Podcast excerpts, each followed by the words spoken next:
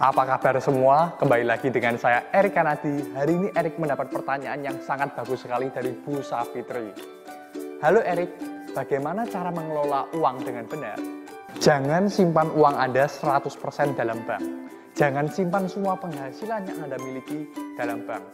Jika Anda perhatikan, orang-orang kaya di dunia ini tidak pernah menyimpan semua uangnya di dalam bank. Karena memang betul, jika kita menyimpan uang kita dalam bank, bisa mendapatkan bunga tetapi perkembangannya sangat sedikit. Mungkin jika kita menabung dengan uang 10 juta dalam suatu bank, mungkin kita bisa mendapatkan bunga setiap bulannya 5.000, 10.000 rupiah, sekitar segitu saya tidak tahu pastinya berapa. Tetapi harga makanan, inflasi, harga kebutuhan kita sehari-hari naiknya jauh lebih besar harga makanan yang kita konsumsi setiap hari naiknya jauh lebih banyak. Sehingga jika ada nilai dengan teliti, kenaikan harga makanan atau inflasi dibandingkan dengan kenaikan uang kita yang ada di dalam bank, kalah dan tidak sebanding. Oleh sebab itu lebih baik kita tidak menyimpan uang kita 100% dalam bank. Jika demikian, apa sih yang orang-orang kaya di dunia ini lakukan? Erik Paniuca akan memberikan tiga tips yang bisa Anda lakukan. Yang pertama adalah gunakan sebagian dari uang Anda untuk memperbesar bisnis Anda. Bagi Anda yang sudah mempunyai bisnis, gunakan penghasilan Anda bukan untuk disimpan dalam bank, tetapi untuk memperbesar bisnis Anda. Bagaimana caranya?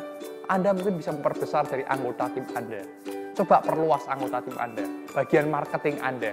Mungkin bagian marketing Anda jika ada perbesar, jika ada tambahin orangnya, dan juga Anda menggunakan sebagian budget dari uang Anda untuk mentraining tim penjualan Anda, mungkin Anda bisa memperbesar perusahaan Anda. Mungkin penghasilan Anda bisa naik lebih banyak. Mungkin uh, jangkauan-jangkauan yang selama ini hanya di area tertentu dapat menyebar sampai ke seluruh Indonesia, bahkan sampai ke luar negeri. Jadi, gunakan uang Anda untuk memperbesar bisnis Anda, memperbesar omset penjualan Anda.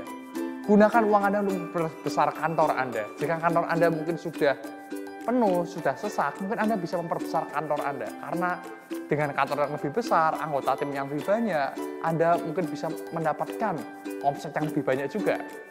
Gunakan uang Anda untuk memperbanyak variasi dari produk Anda. Mungkin dengan produk yang lebih banyak, Anda bisa menjangkau target customer yang lebih besar. Jika selama ini Anda hanya mentarget ke ibu-ibu dengan usia 35 tahun sampai 50 tahun, mungkin Anda bisa memulai produk baru yang bisa mentargetkan anak-anak muda atau mungkin anak-anak sekolahan. Gunakan uang Anda untuk budget promosi. Lakukan promosi marketing. Ambil resiko. Paling tidak 20% dari penghasilan Anda gunakan untuk mengambil resiko yang cukup besar, namun juga teliti sehingga bisnis Anda ini bisa mengalami pelonjakan, bisa mengalami terobosan, bisa mengalami penaikan omset yang wow. Tips kedua adalah gunakan sebagian dari penghasilan Anda untuk memulai bisnis baru. Bagi Anda yang selama ini juga belum mempunyai bisnis, mungkin jika Anda mempunyai penghasilan, jangan simpan 100% dalam bank. Gunakan untuk memulai bisnis baru, mungkin dari yang kecil-kecilan dahulu. Mungkin Anda bisa membuka warung tegal, warung indomie, warung kopi, atau yang kecil-kecilan dahulu, nggak usah terlalu besar. Gunakan sebagian dari uang Anda untuk mendapatkan cash flow atau penghasilan income yang baru. Sehingga penghasilan income saat Anda bukan hanya berasal dari satu sumber saja, tetapi bisa dari dua sumber, tiga sumber, empat sumber, bahkan banyak sumber. Sehingga uang yang Anda dapatkan itu selalu berputar, tidak berhenti dalam bank. Dengan demikian, Anda bisa meningkatkan terus penghasilan Anda. Ini adalah rahasia-rahasia yang orang-orang kaya dunia lakukan. Mereka rata-rata memiliki satu bisnis yang berhasil. Lalu dari uang yang mereka dapatkan, mereka memulai bisnis baru. Bisnis baru, bisnis baru. Mungkin nggak sebesar bisnis yang pertama, tetapi dengan demikian mereka memiliki banyak sumber income, banyak sumber penghasilan. Sehingga bisnis mereka bisa lebih stabil. Yang ketika yang satu lagi uh, serat, maksud saya yang satu lagi tidak memiliki profit yang terlalu besar, mereka dapat mendapatkan penghasilan dari bisnis-bisnis lainnya. Tips nomor tiga adalah gunakan sebagian dari uang Anda untuk amal, untuk menolong orang lain.